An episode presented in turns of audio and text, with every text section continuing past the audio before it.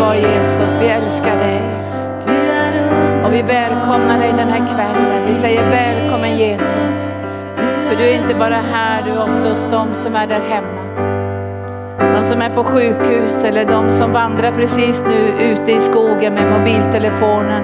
Du bara ska tala till dem och beröra deras hjärtan. Och du ska uppmuntra alla som har varit med på helande dagarna. Att de får känna att ikväll är också en utrustningskväll.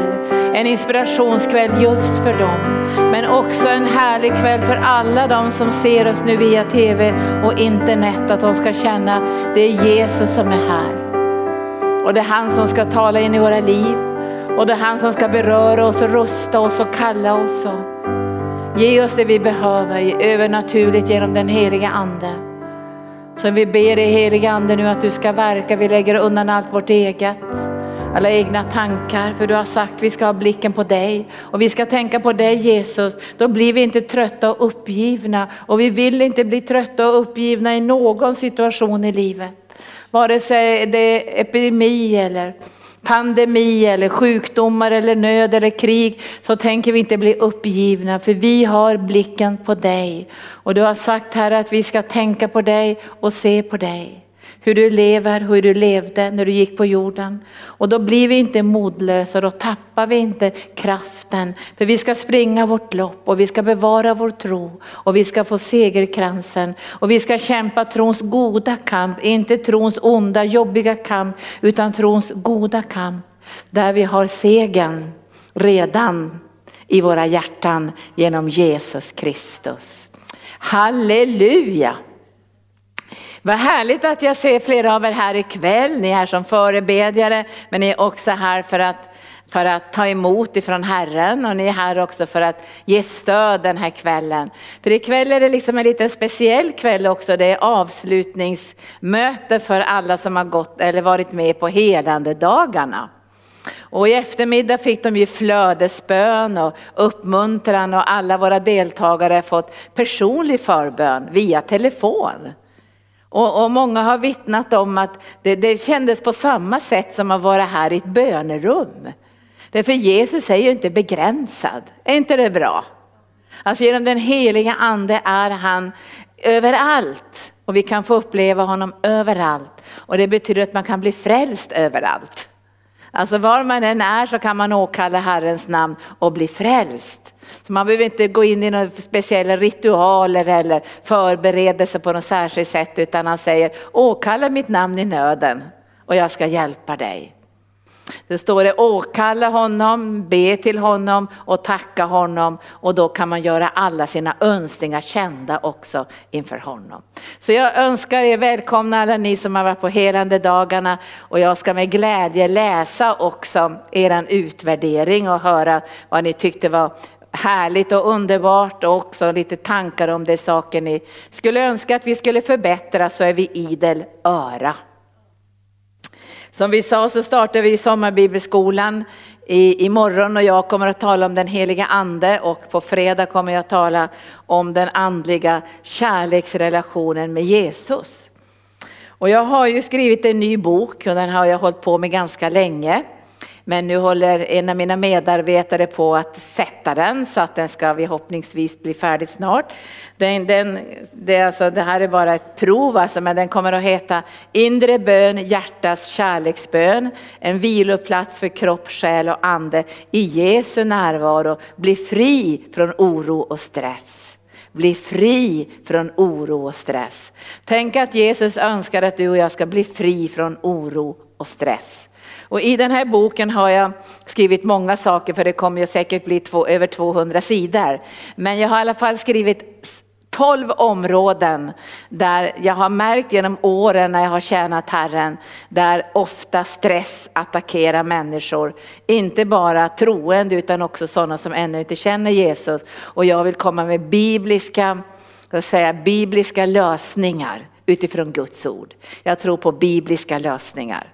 För det står i Bibeln att allt som leder till liv och Guds fruktan har hans gudomliga makt skänkt oss. Så vi, vi kan få leva utan fruktan och utan stress och utan oro. Om vi tar till oss Guds ord på det sätt som Jesus beskriver. För vi ska ju inte bara vara ordets hörare, vi ska vara ordets görare.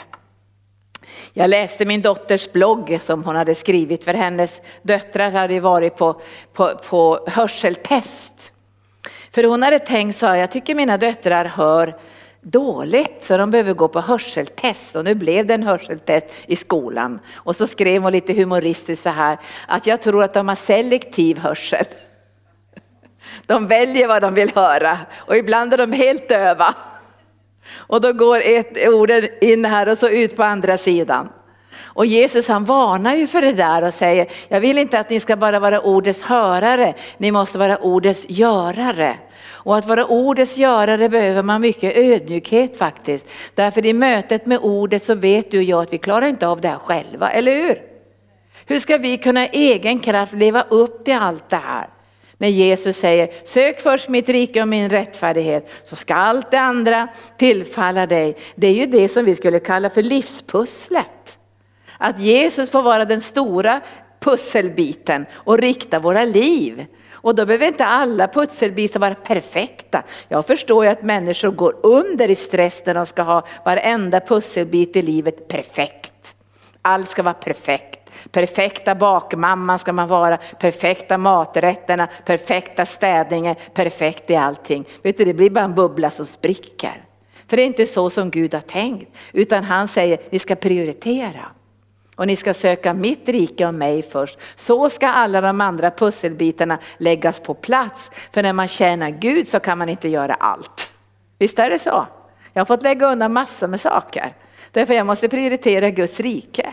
Jag vet att jag inte skulle kunna göra allt som jag har lust med, allt som jag har gåvor till, allt som alla andra gör. Nej men jag måste följa Guds ordet. Sök först Guds rike. Och sen ska allt det andra tillfalla mig. Men jag kan ju inte få precis allting för jag måste ju ha en prioritering för det står ju ett annat ord, kommer ni ihåg det? Du ska älska Herren din Gud med all din kraft. Men du ska också älska honom med hela ditt hjärta och med hela din själ. Det tycker jag är prioriteringar. Man kan ju älska många saker men jag vet ju också att Guds ord säger att många saker är viktiga, säger han, men det är bara ett som är nödvändigt. Ett som är nödvändigt. Och så säger han till, till Maria och till, sina, till Marta, Maria har valt den här bästa delen, den här nödvändiga delen och den ska inte tas ifrån henne. Så när man, när man läser Guds ord så ser man också att hur man ska praktisera Guds ord. För summan av Guds ord är sanning och man behöver mycket hjälp från den heliga ande för att praktisera ordet. Och då får man säga tack Jesus för hjälparen. Och ibland har jag sagt till människor här, om du inte kan komma på något att säga till Jesus så säg hjälp. Därför hjälparen heter ju hjälparen och han ska ge hjälpen för att du och jag ska kunna omsätta och tillämpa ordet. Och då måste vi vara ödmjuka inför Gud och säga ibland, det här förstår jag inte hur jag ska göra. Men vi är ärliga inför Gud. Vi, vi är inte selektiva, så vi bara vill höra de härliga profetiska orden och inget annat. Eller något, något som riktigt chips och Coca-Cola, någonting åt det hållet i det handliga. Utan vi måste också vara beredda att höra det som fostrar och, och stärker och, och bygger in i våra liv. Så jag skulle inte önska att vi hade selektiv hörsel. Men vi kan ha ödmjuk hörsel och säga Herre, jag vill lyssna på allting men jag vet att jag klarar inte av det här i egen kraft. Men du ska ge mig kraften så att om stormarna kommer, om vindarna blåser, om vattnet kastar sig emot mig så står det, då ska inte mitt hus falla. Och varför faller inte ditt och mitt hus? Jo, därför att vi bygger det på klippan Jesus. Vi bygger inte på någonting annat. Och det ska vi tala om ikväll, det här att bli medveten. Vad, är det för, vad, vad bygger vi våra liv på? Alltså vad ger stabilitet i livet? Och jag tycker nu i coronakrisen så tycker jag att det skakar väldigt mycket. Och jag tänkte också på vad som man sa i tv och så här och Folkhälsomyndigheten. Så tyckte jag att det var rätt mycket som hade med sig fruktan på något sätt. Att det kom alltså vågor av fruktan. Och jag tänkte hur ska människor ta det här? när de har haft sin trygghet på olika sätt i den här världen och plötsligt så finns inte den tryggheten längre. Jag tänkte, hur ska det gå? Och psykologer får ju tala med människor och så säger de, vi ska hjälpa er nu när ni tappar kontrollen. Men det är så underbart att kunna säga till er, vi tappar inte kontrollen. Vi har redan överlåtit kontrollen till Jesus.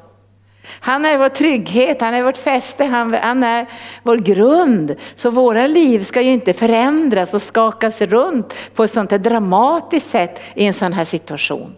Men däremot tror jag när människors liv som inte har klippan Jesus så skakas det runt och då kan Gud komma in i den situationen och ge nya prioriteringar.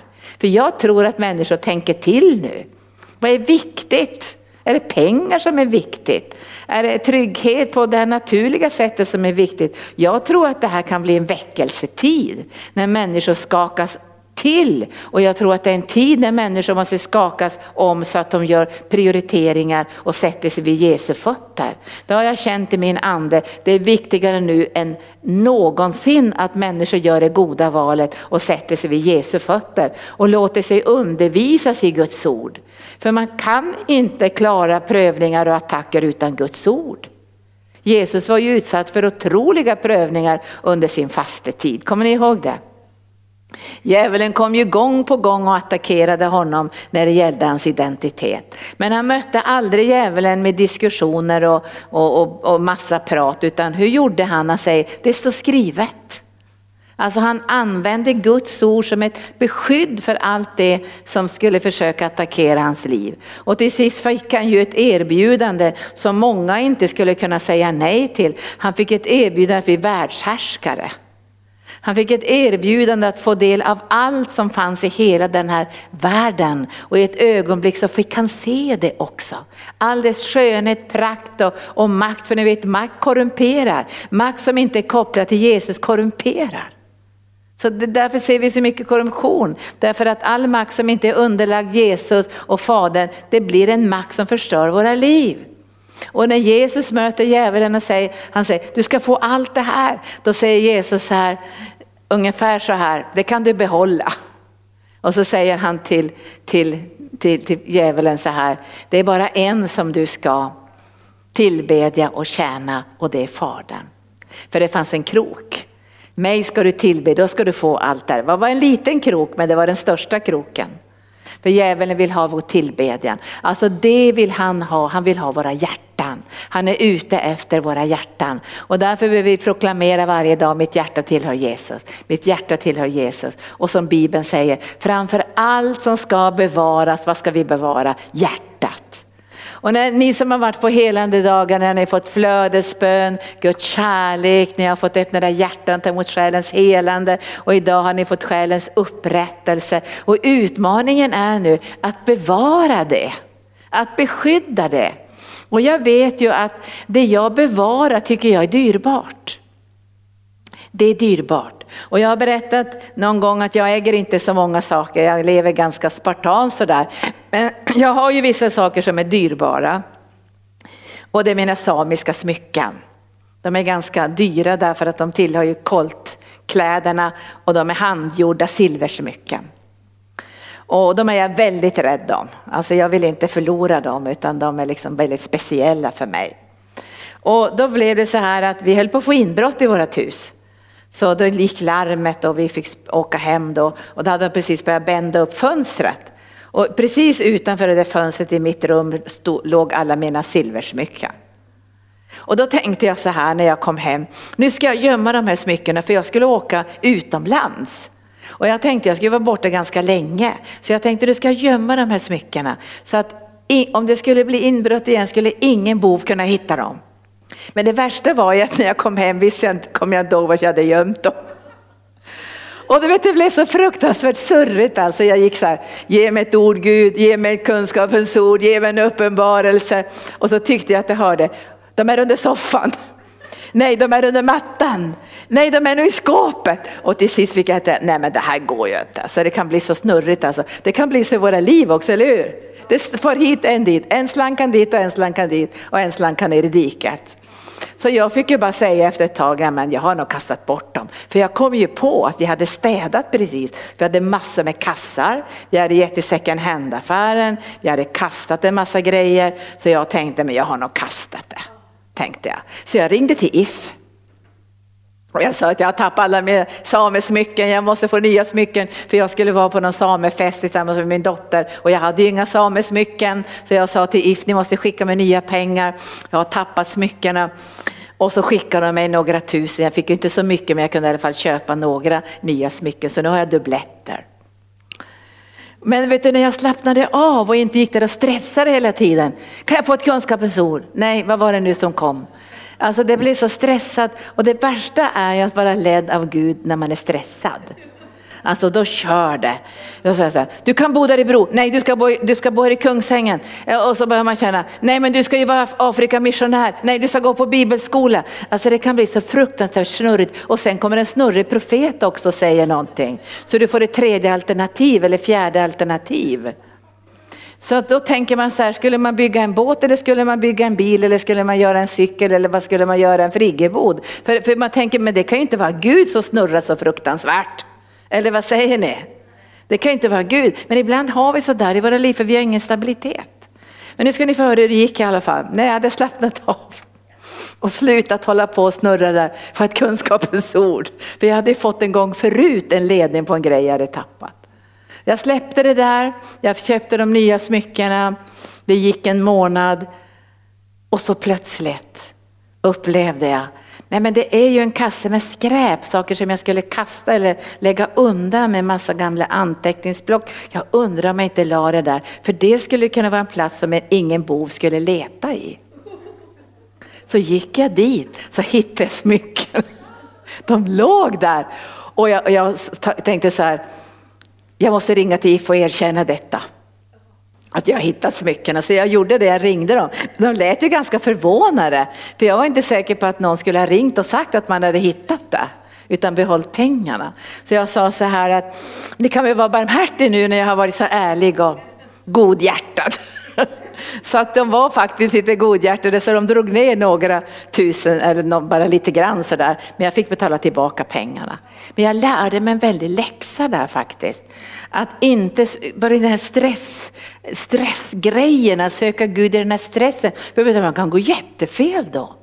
För Gud har en kallelse, men det ska vara stabilt. Det ska vara rotat. Det är inte hit och dit. Gud är inte hit och dit. Han bygger stabilt. Och han bygger så stabilt så att många gånger här på bibelskolan tycker jag inte det sker så mycket i elevernas liv. Och så säger Jesus här, titta på grunden, den är djup. Det mesta sker under ytan säger han. Titta på grunden. För de här ska inte hålla bara fem år och sen får iväg någon villolär och någon snurrgrej. Utan de här ska hålla hela livet. De ska vara pelare i min församling, de ska ha starka profetröster, de ska vara sunda och därför bygger jag på djupet. Så att i många gånger har Gud grävt jättedjupt i människors liv därför de har haft så dålig grund sen förut. Och då kan de tycka, varför gör du ingenting, Gud, varför blir det inget till? Men det som växer upp det här jättesnabbt, vet du vad Bibeln säger? Det växer upp jättesnabbt men det har ingen rot. Och så kommer solen och så torkar det. Och det som, det som kommer bara på stenig mark som inte har någon ordentlig grund, då står det att fort det blir förföljelse för ordet då, då lämnar man det. Och ibland kan det vara så att ordet får inte den näring det behöver eller ljus eller, eller, eller värme för att man har en massa tistlar. Och då blir det ingen frukt, då bär man ingen frukt. Men det kan också falla i den goda jorden. Men det räcker inte med den goda jorden bara, man måste ha en grund. En grund. Och jag tror Gud han är så mån om den här grunden. För att vi vet att vi lever i en tid med mycket stormar och det kommer att bli värre och värre med tiden. Men ni kommer inte att falla för Guds ord säger vi ska bli ordets görare och inte bara dess hörare. Och då ska vi titta på några ord ikväll. Vi har ju nämnt det här att Jesus är han har sänt den helige ande och han säger ju så här, var inte, var inte ledsna nu för att jag lämnade er fysiskt, för de var jätteledsna. Men då säger han så här, jag ska komma tillbaka till er och jag ska aldrig lämna er då. Ni kommer inte att bli faderlösa. Och det här vet ju vi är den helige ande. Så genom den helige ande kan Jesus vara nära oss på insidan. Är inte det fantastiskt? Alltså det ger väl stabilitet. Vi behöver inte tänka, är han där? Är han inte där? Ska vi åka till månen och hämta honom? Och det står ju så det snurrigt, det Paulus säger, han säger, så här snurriga får ni inte vara. Ska vi åka och hämta Jesus i dödsriket? Eller ska vi föra upp till himlen och hämta honom? Och då säger Paulus i Romarbrevet 10, han är dig nära i din mun och i ditt hjärta. Genom munnens bekännelse och hjärtas tro har du närvaron av Jesus innan dig genom den heliga ande. Det gör också att du och jag blir på bättre humör. Därför Bibeln säger, nu ska jag ta två områden ikväll. Jag ska tala om, ha din glädje i Herren. Ha din styrka i Herren. Och då får vi göra en liten utvärdering sådär i våra egna liv. Var har vi vår glädje? Alltså om vi är riktigt ärliga så kanske vi har vår glädje i omständigheterna. Vi blir jätteglada när det löser sig. Och saker läggs på plats, då, ho, då dansar vi och jublar. Men det är inte säkert vi blir starka av det. För vi måste ha vår glädje lite djupare, vår glädje i Herren. Och det kommer att påverka vårt sinnestillstånd. För det finns en andens frukt som, som är väldigt fint beskriven i, i Filipperbrevet kapitel 4 och det är vänlighet. Vänlighet är nog en frukt som växer i vissheten om att Jesus är nära oss. För då blir det inte så fruktansvärt mycket stress.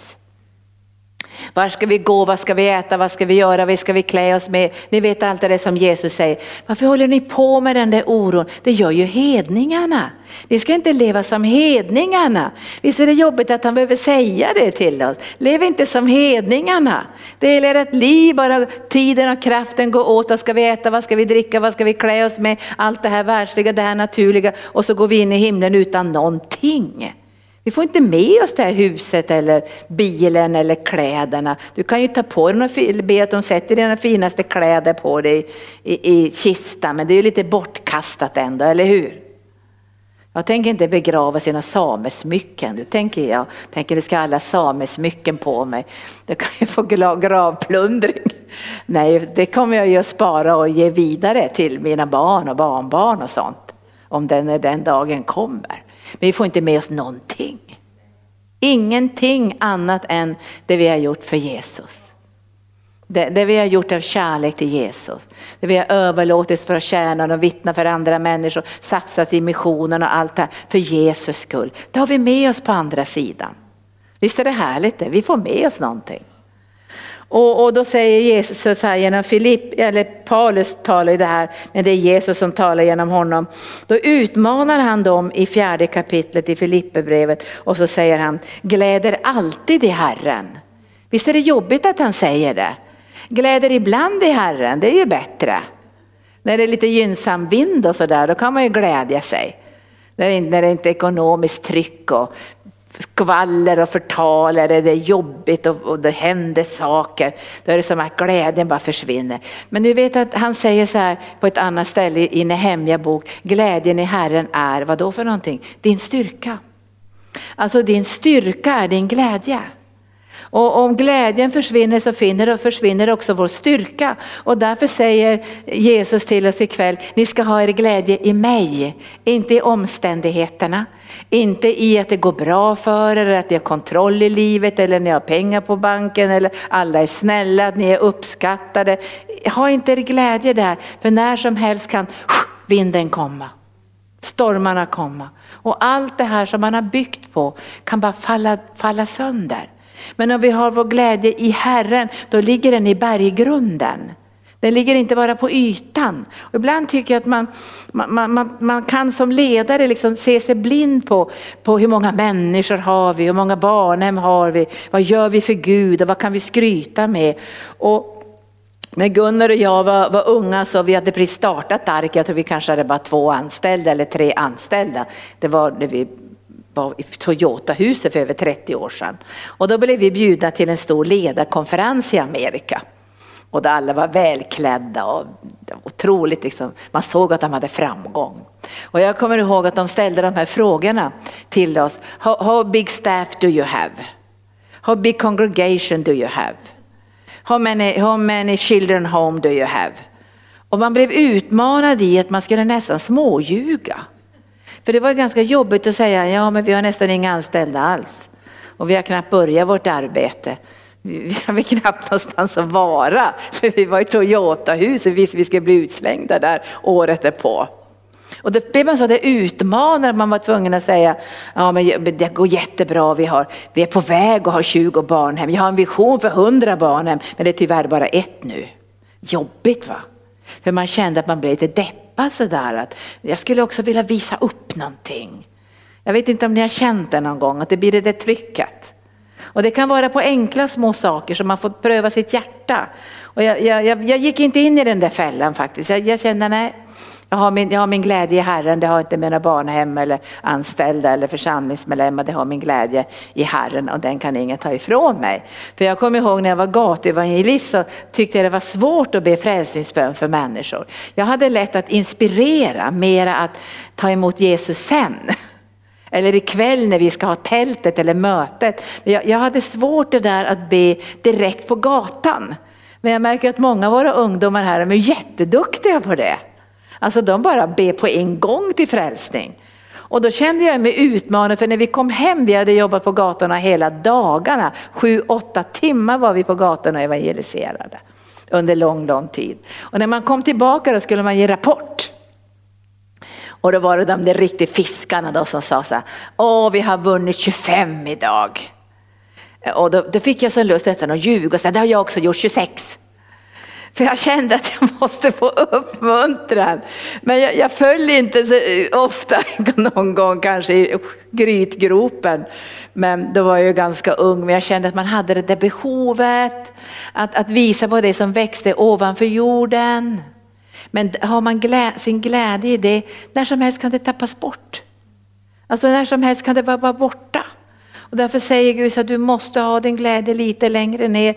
Alltid ska du ha din glädje i Herren i livets alla omständigheter. Och skulle jag få intervjua Paulus så skulle jag fråga honom, hur kunde du ha din glädje i alla omständigheter? Hur kunde du vara mer än en övervinnare hela tiden? Då kanske han skulle ha sagt så här, för Jesus var med mig. Alltid. Och jag visste att han skulle alltid komma med lösningar och utvägar och hjälp till mig. Och för jag hade min glädje djupare. Alltså när de blev piskade och slagna, ni kan ju det, Apostlagärningarna 16. Slängda i fängelsehålan. Då i den mörkaste, mörkaste timme så hade de sin glädje i Herren. Hur vet jag det? Jo, därför de började lovsjunga. Man kan inte lovsjunga utan att ha sin glädje i Herren. Alltså då står man surt. Och därför skulle jag önska att ni alla, när ni har er glädje i Herren, lovsjung alltid. Jag tror att under alla de här åren som vi har varit i arken, som är över 35, har jag alltid lovsjungit. Alltid. Jag tror att jag alltid, jag kan inte komma på en enda gång att inte jag lyft mina händer. Därför han är värdig all lovsång. Och jag tänker inte stå och känna så, ja men du känner jag inte mig glad och jag är lite deppad och sur på någon och det är så trist idag. Nej, jag ska ha min glädje i Herren.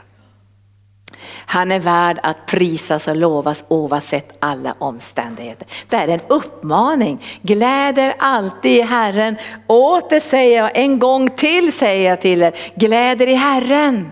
Och det är inte sån där ytlig glädje, fnitterglädje eller nu ska vi försöka få upp någon slags glädje och se glada ut. Du behöver inte ens se glad ut, men du har din glädje i Herren. Och när du har din glädje i Herren kommer du att märka efter ett tag att du ser glad ut.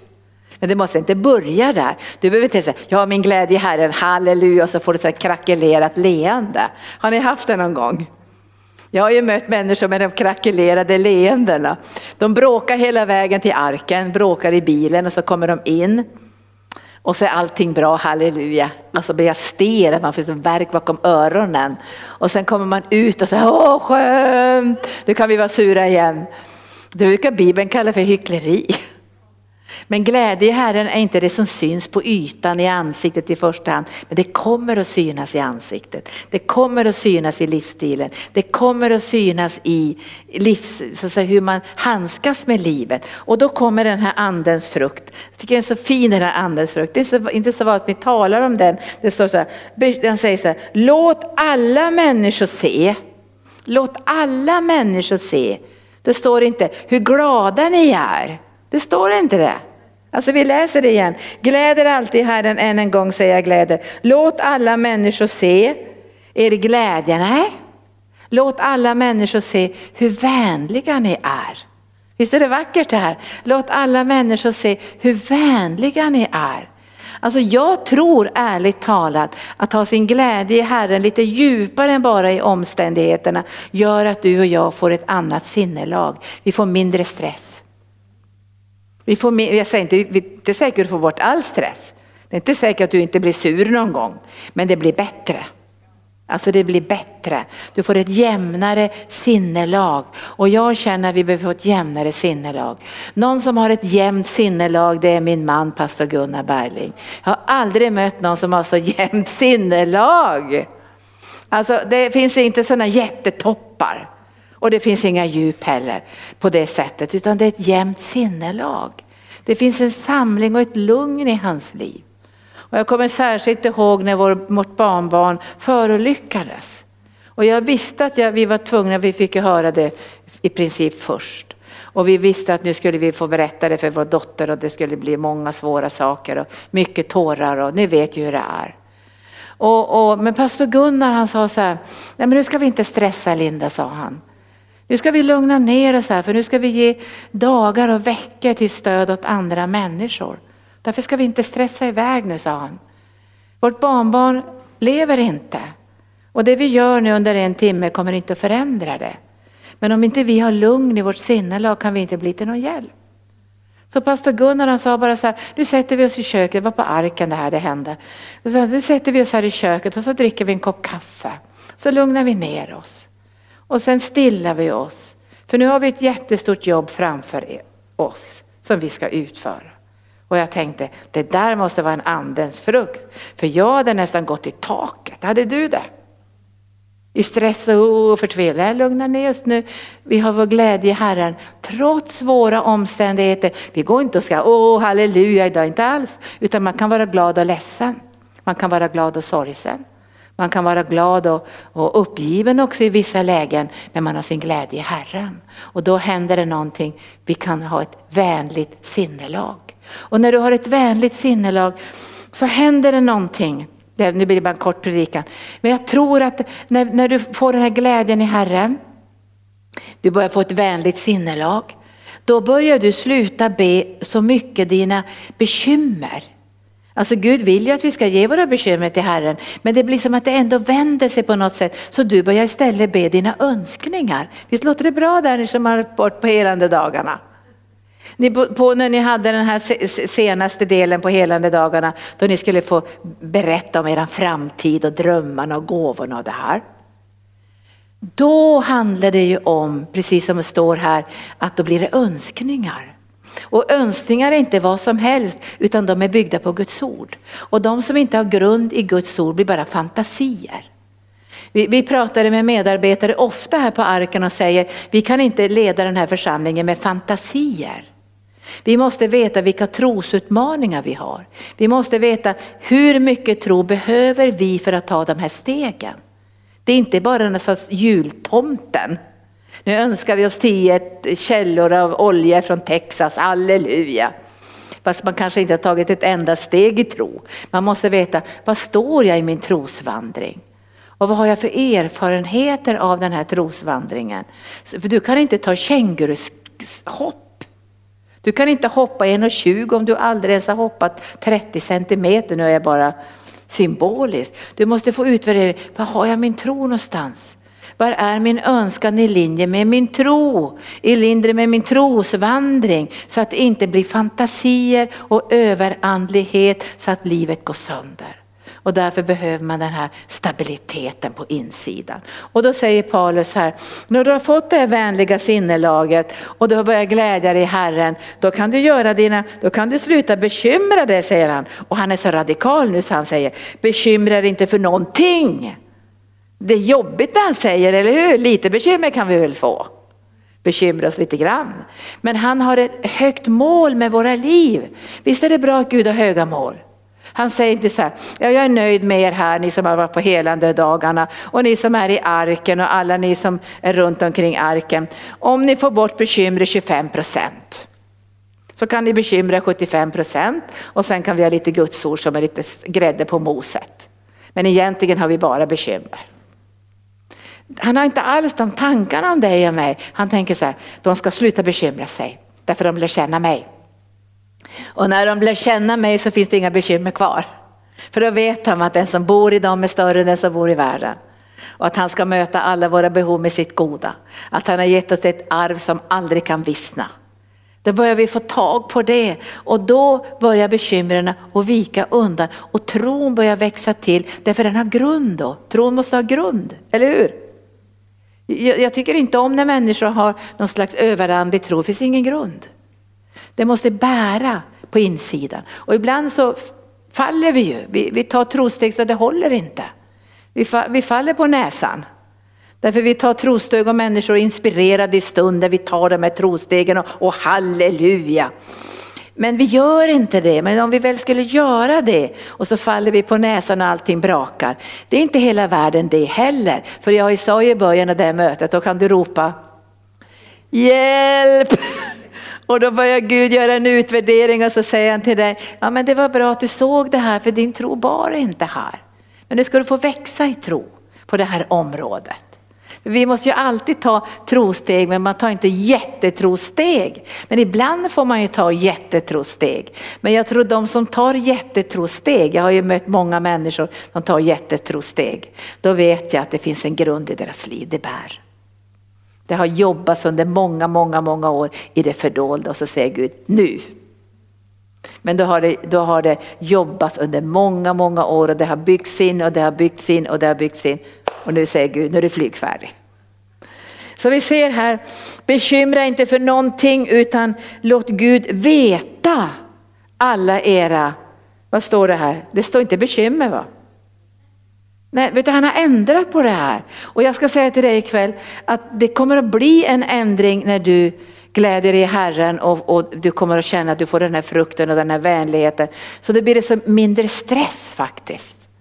Och då säger Herren, nu ska vi börja be på ett nytt sätt, i alla fall öva oss på ett nytt sätt och vi ska be önskningarna genom bön, genom åkallan och genom tacksägelse. Här kom det in något viktigt moment, tacksägelse. Jo, därför att om du vet om att Herren är nära och att han har gett dig vänlighet och trygghet i ditt liv, då kan du börja tacka för det som du har bett om innan du har sett. Och det sänder jag till er som har varit på helande dagarna, att behåll det ni har hört från Gud. Ni kanske inte har sett allting, ni inte har hunnit se allting, men jag vet att ni har fått fantastiska profetord. De har profeterat över er och talat ut alla ord som Gud har i sitt hjärta till er och en del av er har fått fantastiska ord. Tacka för dem, lägg dem ner i era hjärtan, beskydda dem. Därför att man beskyddar bara det man tycker är dyrbart. Och ibland möter jag människor och tänker så här, tycker de inte att gudsnärvaron är dyrbar tänker jag? Alltså bevarar de inte gudsnärvaron som någonting dyrbart? Tänkte bara på mina små enkla samiska smycken, men det var värdefullt för mig. Men Gud är ju miljoner gånger mer värdefull för mig. Att det vill jag ju inte tappa bort, vad Gud har lagt i mitt liv. Men ibland tycker jag, ibland jag, jag tror inte att det är så många, men ibland så tänker jag så här, låt oss aldrig bli linsoppekristna. För Esau han brydde sig inte om att han hade förstfödslorätten. Tänk om han hade tagit reda på den välsignelsen. Då hade han aldrig gett bort den för en linssoppa. Då hade han aldrig bara sagt, åh jag kommer ändå dö, jag är så trött, jag tar lite soppa, vad spelar ingen roll den här eh, förstfödselrätten. Men Jakob hade tagit reda på vad det var. Så han, han till och med fick sin mamma med på bedrägeriet för han skulle ha det. Har ni läst om det? Han tog det med bedrägeri för han skulle ha det. Så han sa till morsan, så hur ska vi få den blinde pappa att gå på den här grejen? För, för, för, för Jakob hade ju inget, inget hår på händerna eller på armarna, det hade ju Esau. Så de hämtade väl bara ett fårskinn. Och, och, så gick han in till, till Isak och så sa han, det är jag Esau. Och, och Isak var ju blind så han tog så här på, på hans arm, men jag känner ju skinnet. Och, och hon hade ju varit där och, och sett till det där, för han skulle ha det. Och han fick det, men på fel väg. Men ni kommer ihåg storyn? Man kan läsa den i Bibeln. Han var inte nöjd att han hade fått det med bedrägeri. Utan han, han kämpar med Gud. Och han säger så här, du måste välsigna med Gud, jag släpper det inte. För han ville inte ha en bedrägerivälsignelse. Att han hade stulit den och tagit den, men han fick ju den på rätt väg. Men han lurar ju ändå sin bror. Och så kämpar han med Gud och så säger Gud till honom, nu ska du inte längre heta Jakob, du ska heta Israel. För du har kämpat med Gud och du har vunnit seger. Och så slår bara Gud till honom på höften. Så att han får ett ödmjukt, mjukt hjärta. Och i det flödar också försoningen. Men när man läser vidare här i Filipperbrevet så tycker jag att det är så härligt därför att det som kommer genom tacksägelsen är friden. Och ibland vill vi ha friden utan att vi har gått vägen. Ge mig frid Gud, ge mig frid Gud, jag vill gå McDonalds-friden snabbt, snabbt, snabbt, snabbt. Man måste liksom gå vägen. Och vi ser här var det en väg, gläder alltid Herren. Herren är nära. Låt vänlighet flöda från era liv. Be på ett nytt sätt med önskningarna. Be med åkallan, be med bön. Gör det här personligt, för åkallan är ju personligt. Gör bönen personlig.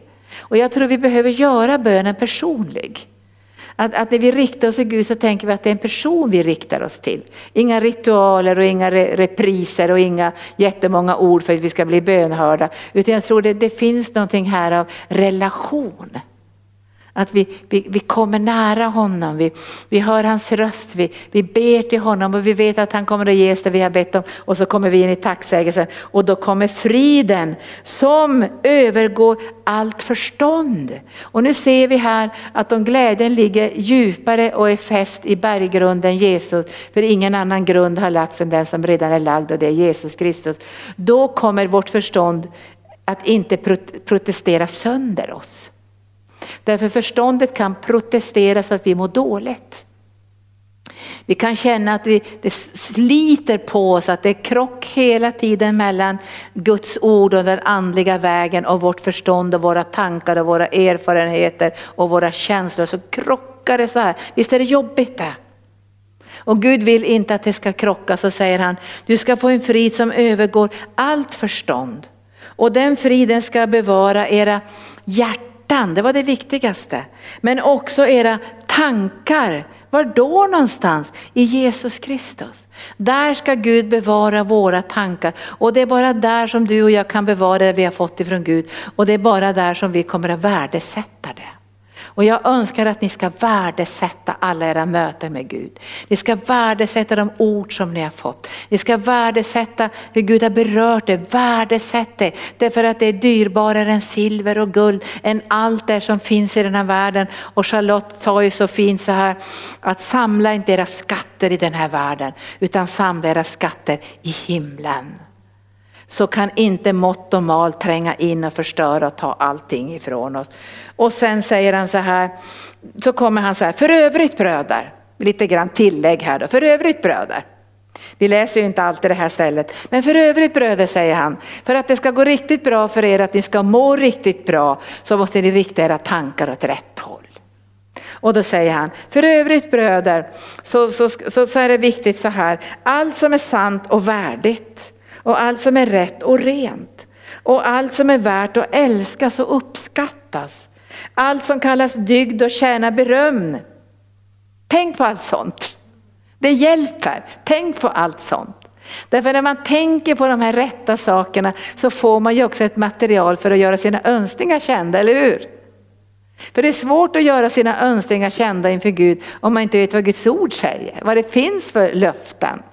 Men när man börjar tänka på rätt sätt så ger det liksom en, en, en kan säga, ett, det ger material för att du och jag kan göra våra önskningar kända inför Gud och lyfta dem inför Herren. Men du har ju lovat Jesus att din frid ska du ge till oss. Du har ju lovat Herre att vi inte ska ha bekymmer oss för du ska möta alla våra behov. Och så kan vi vända våra bekymmer till önskningar. Nu säger inte jag ikväll att inte du får berätta dina bekymmer också. Det är klart du ska det. Du får berätta dem för Gud. Men du kommer att märka att det förändras efter ett tag. Att det ligger närmare till hands att be ut önskningarna än att be ut alla problemen. Därför du har den här grunden av Guds ord i ditt innersta. Nu ska jag strax sluta men jag har en liten sak till och det är ifrån Efesierbrevet där, där eh, Paulus säger, nu har vi sagt, han har sagt, glädjer alltid i Herren. Åter säger jag till er, det har han sagt på flera ställen, gläder er i Herren. Men så säger han i kapitel 6 i Efesierbrevet, till sist säger han, det här är slutet på brevet, bli starka i Herren. Bli starka i Herren. Ja men då måste det vara en koppling mellan glädjen och styrkan. Glädjen i Herren är min styrka. Bli starka i Herren. Alltså vi kan bli starka i fel saker. Alltså vi kan bli starka i att vi har fått ett bra deal eller vi har fått bra kontakt med Försäkringskassan och vi har fått köpa någonting med bra summa och vi har, ja ni vet man kan bli stark att man har samlat på sig pengar eller vad som helst. Man kan bli stark på fel grund. Och jag tror att människor i den här coronakrisen, många har varit starka på fel grund, så skakar det. Bra arbete, bra inkomst. Tänk alla artister som har förlorat sina arvoden. Alltså många är ju liksom utmanare, men jag ser ju också att det föds kreativitet. Men, men det är ju ännu underbarare att tänka så här, jag har Herren. Gud kommer att öppna vägar och ge mig idéer och kreativitet genom den heliga ande och då får ju Gud äran. Och jag får inte äran, Gud får äran. Men för att du ska klara av att leva i omständigheter, i svårigheter, i stormar, i pandemier, i krig, i utmaningar så måste vi veta var vår styrka, var vi ska hämta vår styrka. Bli allt starkare i Herren och i hans väldiga kraft står det. Så väldig kraft. Har stannat vid det idag när jag hade den här bönetimmen. Jag vill få del av Guds väldiga kraft. För jag måste tro i mitt hjärta som förebedare att cancer inte är starkare än Gud. Eller hur? Det är inte för att jag ska vara duktig eller be högt eller skrika eller något sånt där. Utan jag måste tro på Jesus seger. Och då måste jag bli starkare Herre i hans väldiga kraft. Är han starkare än artros? Det var ju en flicka som lämnade in sitt bönämne och sa att hon sa att det var flera som har lämnat in och sagt att jag vill inte leva någon längre, jag har tappat livslusten och jag har självmordskänslor. Då måste jag ju tro när jag ber för en sån människa att livet är starkare än döden. Och att Guds plan för de här människorna är starkare än djävulens destruktiva plan. Blir starkare i Herren och i hans väldiga kraft. Och sen säger Herren så här, att du måste förstå vad du strider emot. Vi strider inte mot människor, jag ska snabbt gå igenom det här. Han säger, ta på er hela Guds vapenrustning. Guds vapenrustning. Alltså Gud har gett oss sin egen vapenrustning, sitt eget beskydd i den här världen. Finns det något beskydd som skulle kunna vara bättre? Eller vad säger ni? Jag menar, vi har ju säkerhetsbälten när vi kör.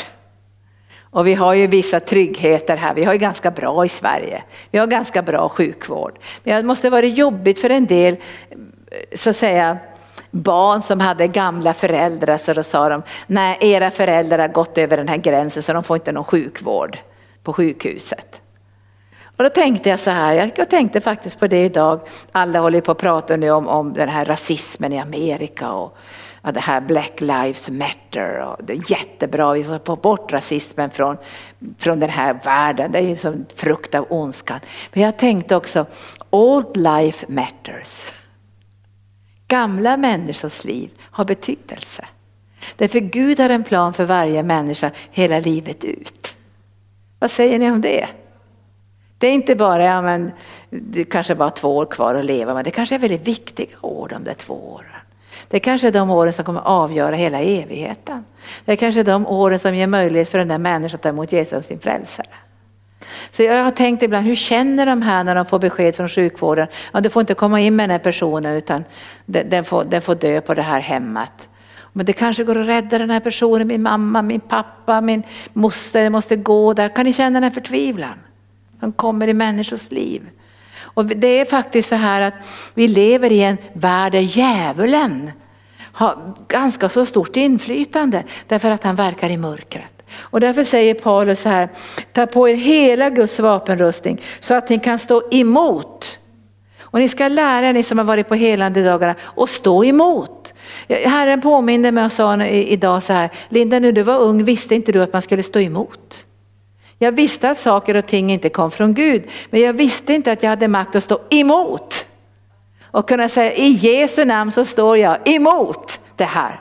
Jag står emot de här tankarna, jag står emot den här sjukdomen, jag står emot den här influensan, jag står emot den här förkylningen, jag står emot. För det står ju här, så ska ni kunna stå emot. Ni kan stå emot djävulens listiga angrepp. Vet du, han är jättelistig. Han har ju övat tusentals år. Miljoner år har han övat. på att vara listig och bedra och ljuga och förvränga saker. Och därför behöver vi den andliga vapenrustningen. Och särskilt behöver vi faktiskt gåvan att skilja mellan andar. För att kunna stå emot djävulens listiga angrepp. Och han är så listig så han tänker, när är hon svag, när är han sjuk, när är det jobbigt hemma, när är det dålig ekonomi. Så smyger han omkring och är listig och tänker, ah, jag hittar någon ingång där, jag hittar någon ingång där. Men du har på dig hela Guds vapenrustning. Och han börjar med att säga så här att, att vi, vi strider inte eller kämpar säger han. Och i andra översättningar står det strider. Men vi kämpar inte mot kött och blod. Vi kämpar inte mot människor utan mot förstarna, pluralis, förstarna. Visst är det otäckt när han säger det? Förstarna. Men så säger han makterna. Makterna, de som utövar makt. Och sjukdomar utövar ju makt, eller hur? Mot världshärskarna. Alltså pandemi är ju som världshärskare. Det som berör mängder med länder ut över världen. Världshärskare. Och så säger han mot världshärskarna här i mörkret och mot ondskans andemakter i himlarymderna.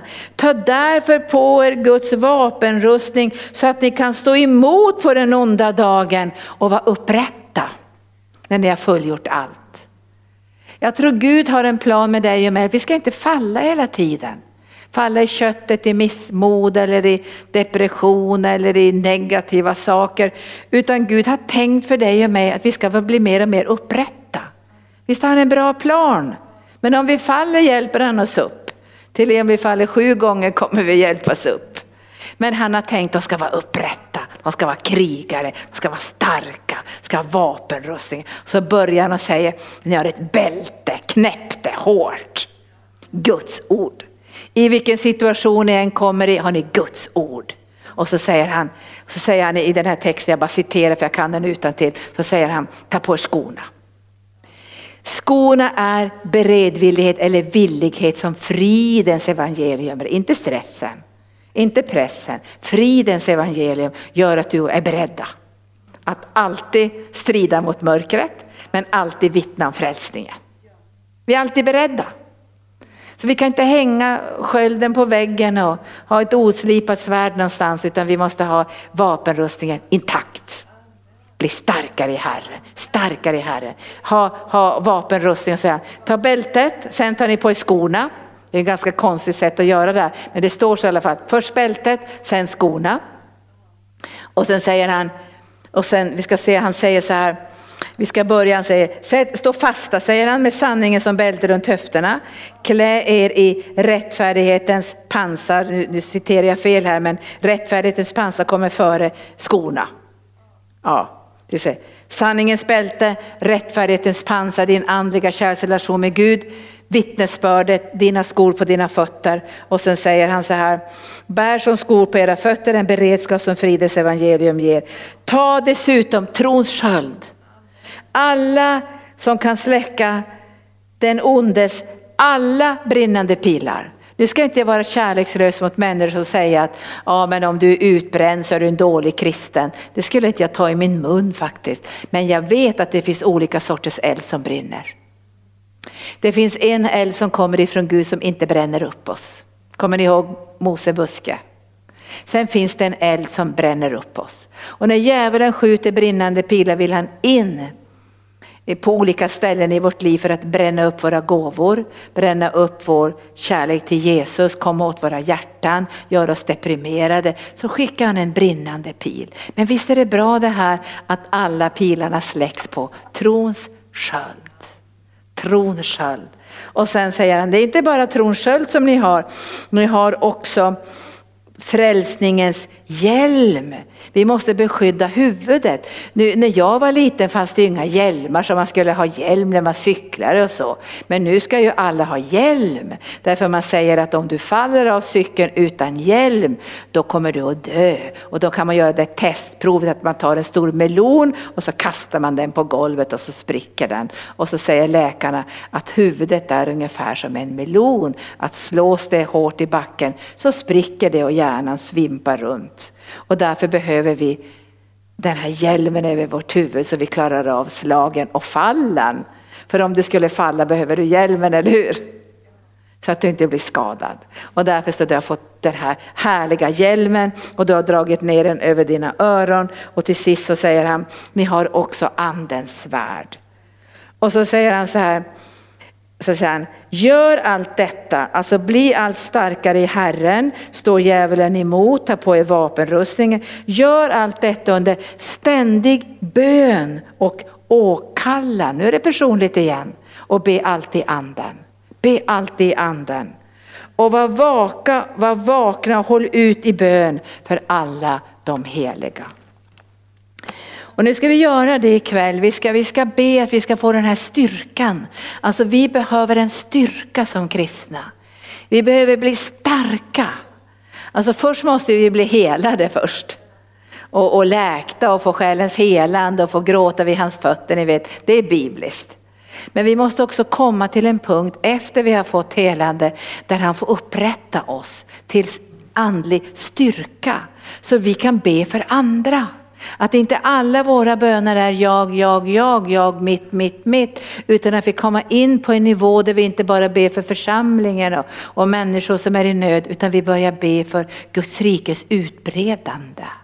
Vi börjar be för det som Gud ska göra apostoliskt, bryta ny mark där vi föder i anden och vi röjer undan stenar och planterar det som Gud vill ha planterat. Och därför behöver vi en övernaturlig styrka och den kan vi inte åstadkomma i egen kraft. Nu har vi fått lite, nu har jag bara tagit några bibelställen, men vi har fått lite så här minivägledning hur vi kan få till det här, bli starka i, i glädjen, bli starka i Guds kraft och det här sitter ihop. Och det är Guds övernaturliga öppningar in i ditt och mitt liv så vi får del av ett övernaturligt liv. Och då ska vi be för alla böneämnen nu. Vi har, vi har bett en hel timme idag för böneämnen och vi har bett i stort sett hela dagen idag.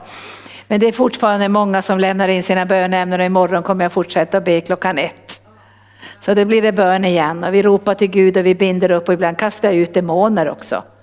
Ibland har människor lämnat in bönämnen så jag märker att det här måste vara demoner. Och då, då bryter jag det och säger nu, nu, ska du, nu ska du tillsammans med mig gå till nådens tron och så bryter vi det här demoniska och så säger jag upp och ut med andningen om det skulle vara demoner som finns på insidan.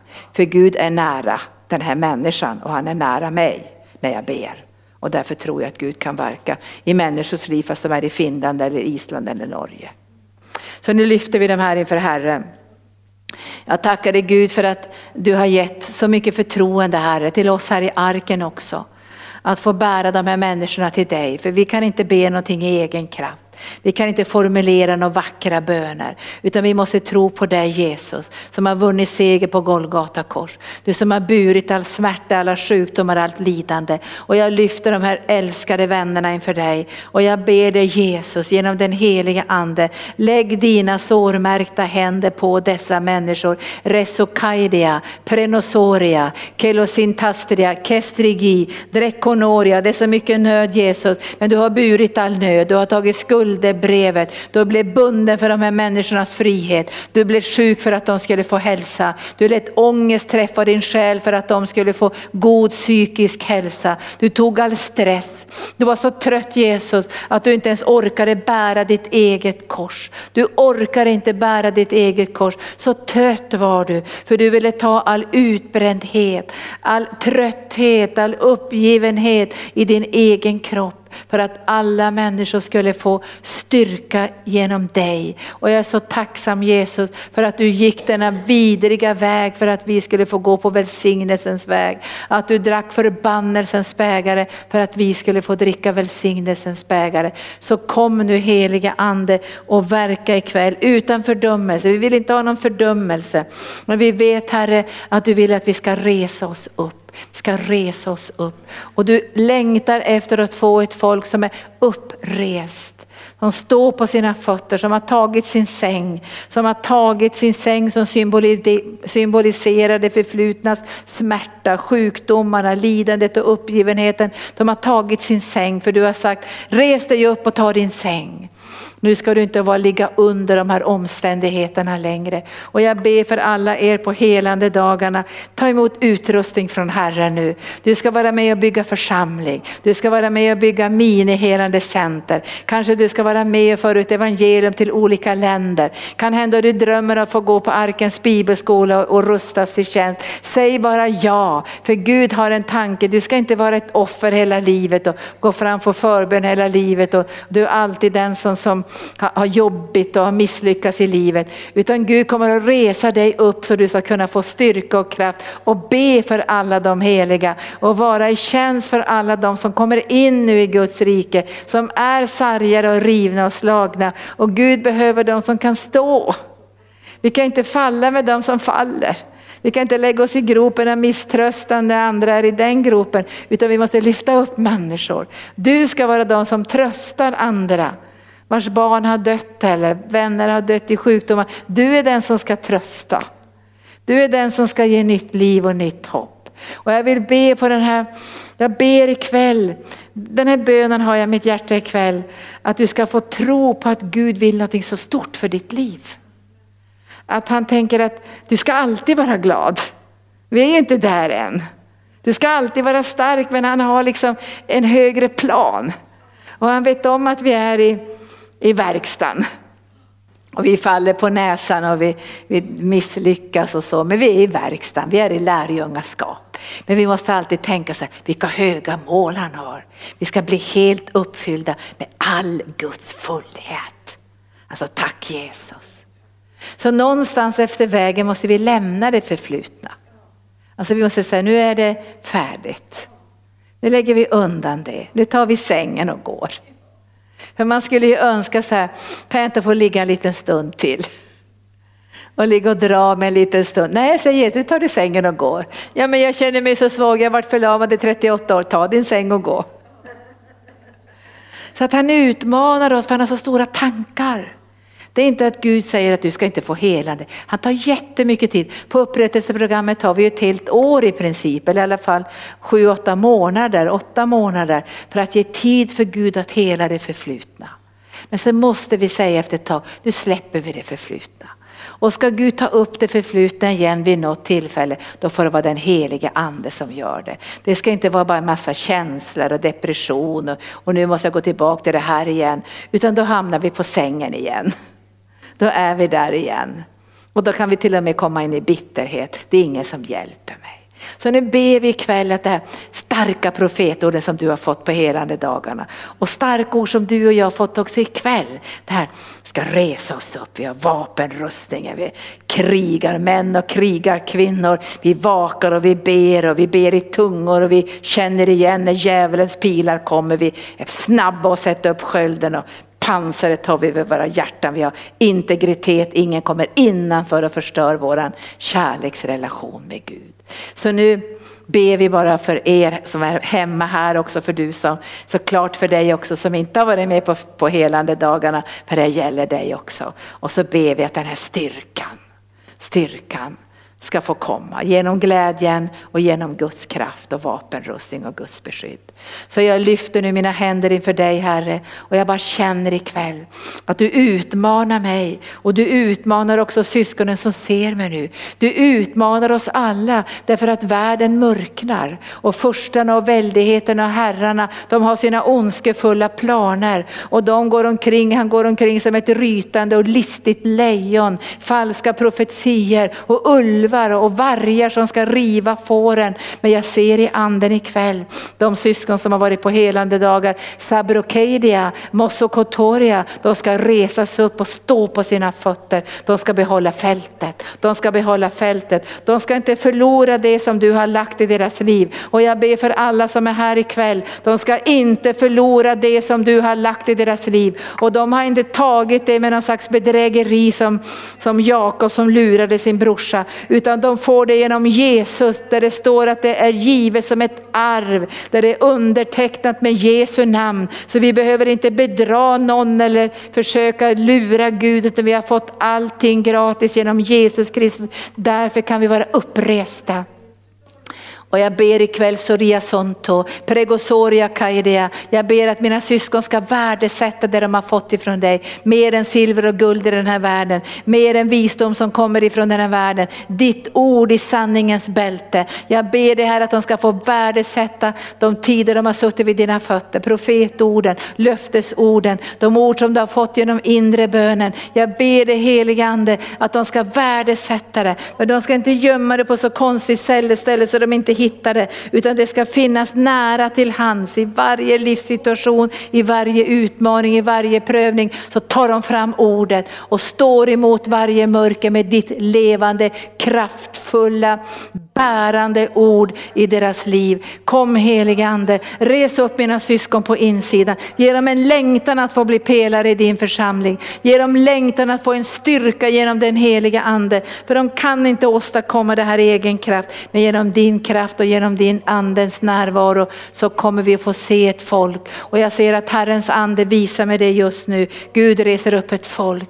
Ett folk som vet sin plats. Ett folk som har vapenrustningen på sig. Ett folk som har sin glädje i helt andra saker än världens människor som har bara ytliga nöjen som bara kan försvinna när som helst. Utan ni har er glädje i Herren, i det liv vi har med Gud här och det liv vi kommer att ha med honom i all evighet. Kom helige Anda.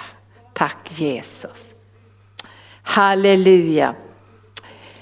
Tack Jesus. Vi gör så här ikväll att vi, vi, vi, vi ber en liten stund i anden.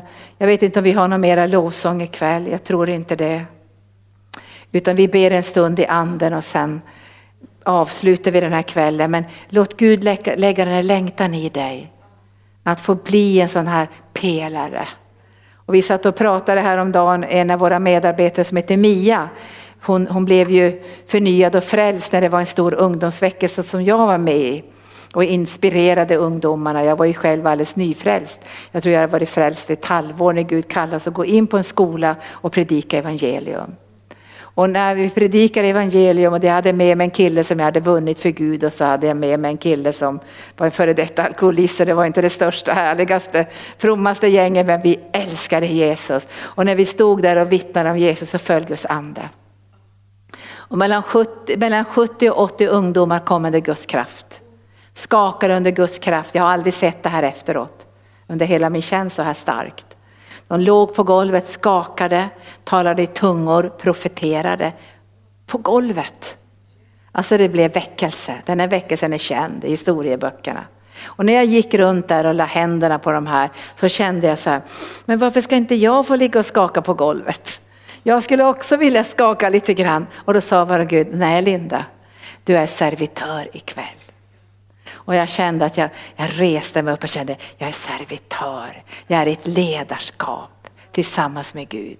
Jag ska få med vaka över de här ungdomarna så det inte går över styr och blir något tokigt av det här. Jag, är jag kände att jag är i en annan liga. Och jag visste då redan när jag var nyfrälst, jag kommer att tränas till ledarskap. Och jag tror att Herren håller på med någonting också med sina barn eller sina lärjungar som har varit ändå kristna ganska länge. Att vi är på väg in i en annan dimension av ledarskap, av träning och vaksamhet och bön för andra. Så vi ber i tungor lite nu. Kora seidia, kora brentoria sentokiria, brekineidia brasonto kelosiria, kelosantaidia, mesandro koria seidia, kelomashoria, brendoria kentairia, silokoria bretostrogiria, merokoria bradoria sanamantaia, sanamantaia, restokoria premtokoro sintokoro, rassokoro messikio antakaia, selokoria brendoria santaidia, lekoto, lesoko, lesoko lesoko, lesoko. Bevara genom den heliga ande allt som du har lagt i mitt liv Gud. Bevara genom den heliga ande allt som du har lagt i mina syskons liv. De ska inte förlora någonting. Djävulen ska inte stjäla någonting ifrån dem. De ska kunna stå honom emot och beskydda och bevara det du har lagt i deras hjärtan. Resokoria, brendoria, centria, kilosoria, keiria. Och jag bara smörjer er nu som har varit på helande dagar och jag rustar er nu med den heliga andes kraft i Jesu Jesu namn. Och jag rustar er också ikväll med en längtan, en längtan att vara starka i den heliga ande, att ha ett fundament på insidan, att klara av stormar och utmaningar. Kom heliga ande, kom heliga ande och gör ditt verk i vårt liv. Vi är så beroende av dig heliga ande. Vi klarar inte det ändå det här i egen kraft. Så vi säger hjälp oss heliga ande, hjälp oss heliga ande. Och jag hör Gud säga ikväll, det är därför jag har sänt honom, för att han ska hjälpa er att hålla allt vad Jesus har befallt. Och han är med oss alla dagar in till tidens ände. Tack Jesus. Är det något som du känner att du vill bedja ut Charlotte eller? Men du kan, du kan få micken här. Så ber vi bara om vi känner. Paula, du kanske också har någonting du har varit med på helande dagarna. Är det flera av er som har varit med på helande dagarna? Så, så får det bli lite personligt så här. Men känner ni när jag har predikat ikväll, har det växt en längtan? Visst har det det? Ni känner det, det här ska vi vara starka. Vi ska inte vara stöddiga. Vi ska inte vara arroganta. Vi ska vara ödmjuka. Vi klarar inte det här i egen kraft ändå. Alltså det går inte. Så varsågod Charlotte. Ja, det var så underbart när Linda och jag var i Nepal. Jag tror aldrig varit med om något liknande. Alltså, det var så underbart. Jag såg en inre syn inför mina ögon och jag fick se Jesus uträckta händer och att han smorde oss. Och så gick jag runt och det var sån hunger bland de här ungdomarna. Det var de 2000 som var samlade. Och de grät och de var förtvivlade. Och, och sen så bad jag och bad och bad. Jag gick till det gänget och det och det. Och sen när jag tittade efter, då låg alla på golvet. Och jag tänkte, och du vet ju om Linda, jag tänkte vad hände? Men det är den heliga anden. När vi längtar efter den heliga, när vi är törstiga. Och de här ungdomarna, de längtade. Och då har jag frågat Gud efteråt, varför hände det där? Då sa Gud, därför de var hungriga. De längtade efter mig. Och det var äkta. Det var äkta, det var inte bara sådär att, ja du kan väl be för mig. Ja. Nej, de var, det var liksom liv och död. Alltså be för mig. Och Gud mötte dem. Så jag tänkte, vill du ha förbön ikväll? Det finns många förebedjare här ikväll. Eller hur? Är det någon som vill ha förbön så kan du bara räcka upp din hand. Så kan vi be för dig. Så mm, annars så avslutar vi mötet här. Så kan du be där du är. Och så har du inte tagit emot Jesus så kan du säga Jesus kom in i mitt hjärta. Förlåt mig mina synder. Då är Jesus där och möter dig.